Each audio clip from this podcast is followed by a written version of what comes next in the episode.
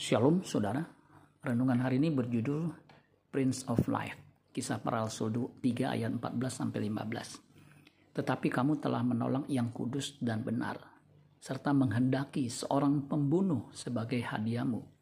Demikianlah ia, pemimpin kepada hidup, telah kamu bunuh, tetapi Allah telah membangkitkan dia dari antara orang mati, dan tentang hal itu kami adalah saksi.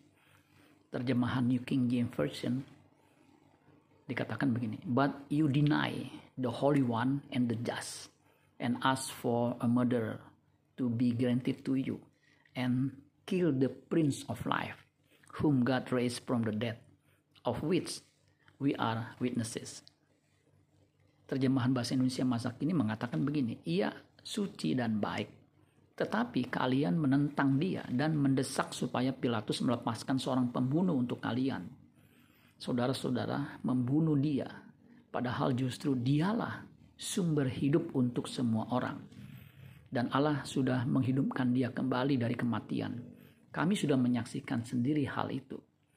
Yesus yang pernah berkata, "Akulah kebangkitan dan hidup," justru mereka tolak. Mereka malah menghendaki Barabas yang dibebaskan. Barabas adalah seorang perampok dan seorang pembunuh. Pada zaman itu, imam-imam kepala dan tua-tua Yahudi membunuh secara fisik dengan menyalibkan Yesus karena iri hati dan dengki. Tuhan menghendaki kita hidup suci dan benar seperti Bapa.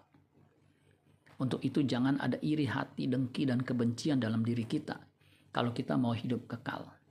1 Yohanes 3 ayat 15, setiap orang yang membenci saudaranya adalah seorang pembunuh manusia dan kamu tahu bahwa tidak ada seorang pembunuh yang tetap memiliki hidup yang kekal di dalam dirinya.